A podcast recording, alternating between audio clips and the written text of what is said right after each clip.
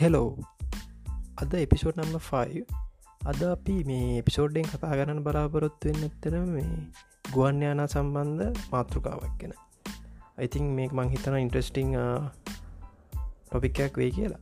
අපි බලමු හෙනම් uh, මොකක්ද මේ පොඩ්කාස්ට් එක කතා කරන්න කියලා. එනයි පොඩ්කාස්ටෙක් පටන්ගම්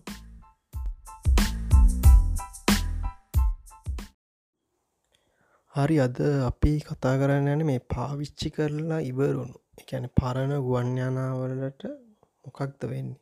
කොහොම දෙව බැහැර කරන්න ඔයද ඉතිං වාලා එතයි මේ ඇයි ගුවන්්‍යානාව පාචි කරලා ඉවරගුණට පස බැහැර කරන්න මොකද? ගුවන්්‍යානා කියන සාමාන්‍ය ගොඩක් වියදම් වියදම් කල් හදපු එකක් ගොඩක් ගණන් වැඩිය එකක්. ඇඒක මේ නඩත්තු කරනකම පාච්චි කරන්න බැරිකි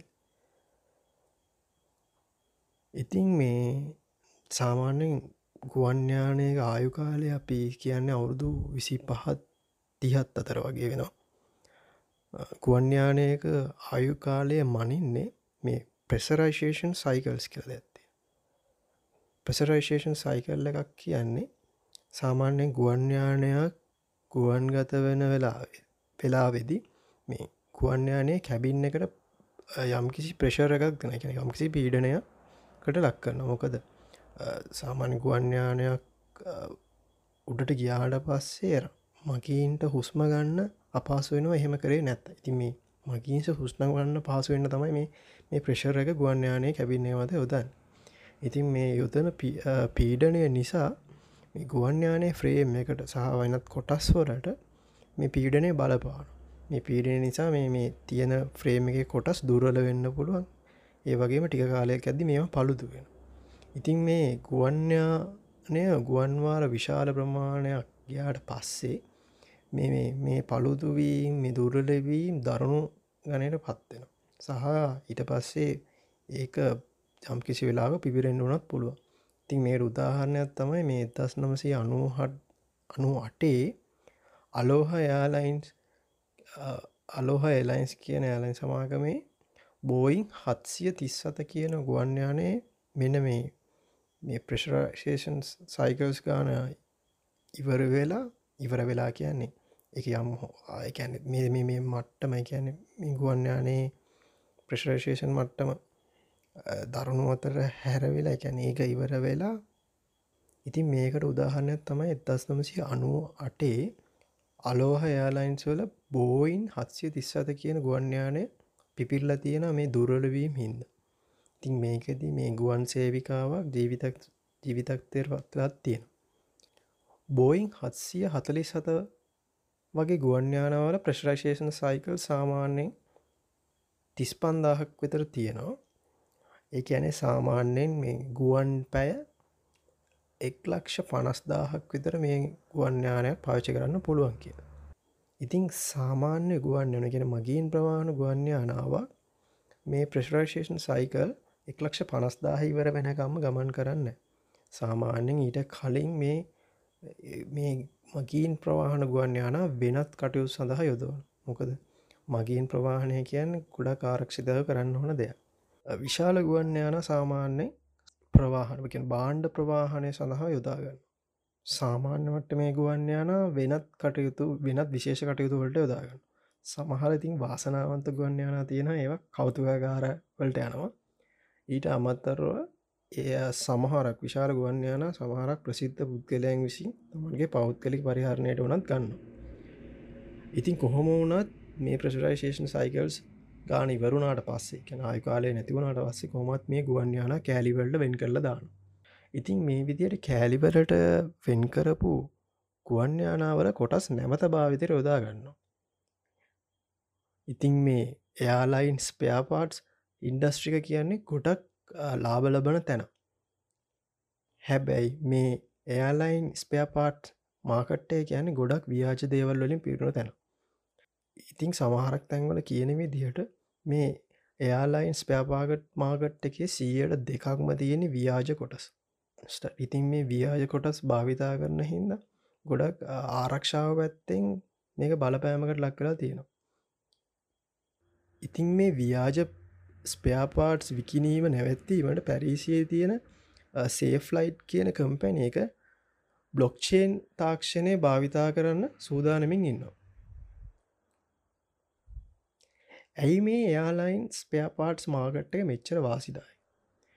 වර්තමානයේ ගුවන්්‍යානයක් සෑදීමට සාමාන්‍යෙන් ලක්ෂ තුන හමාරක පමණ කොටස් යොදාගන්න කැන කොටස් ලක්ෂ තුන හමාරක් යොදාගන්න ඉතින් මේ අතරින් ඇත්තරම් බැලුවාම ගොඩක් ගොඩක්ම වියදම යන්න මේ ගුවන්්‍යානය එන්ජිම සෑදීමට.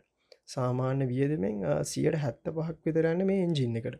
සාමාන්‍යයෙන් මේ ගුවන්්‍යානයක මේ එන්ජින් ෆලෑන් බේඩ් එකක් වෙන එක රෙපයාර් කරනවට වඩා රීපලේස් කරන එක තමයි කරන්න. මොකදය ඒක ගොඩක් ආරක්ෂාවට බලපාන්නපුල ඉතින් මේ නිසා යාපලේන් වලින් ගොඩක් මේ වගේ දේවල් රෙපයා කරනවට වඩා රීපලේස් කරන නිසා මේ මේ ස්පයා පාට් මාගට්ටයට ගොඩක් වාසිදායක සාමාන්‍යයෙන් මේ පරණ බෝයින් හත්සිය තිස්සත ගුවන්්‍යානයක විංලට් එකක් සකන් ආමාකට් එක නිල ඩොරර් ලක්ෂ හයක් පමණ වෙනවා කියලා තියෙන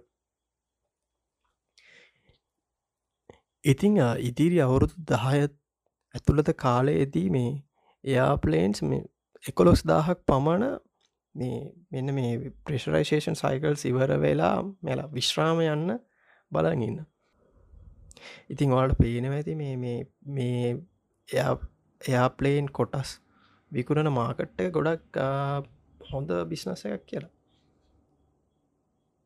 ඉතින් මේ මෙහෙම ගොඩක් විශ්‍රාමයන ගැන අක්‍රිය වෙන ගුවන් යාන කොහෙද ගබඩා කරන්න?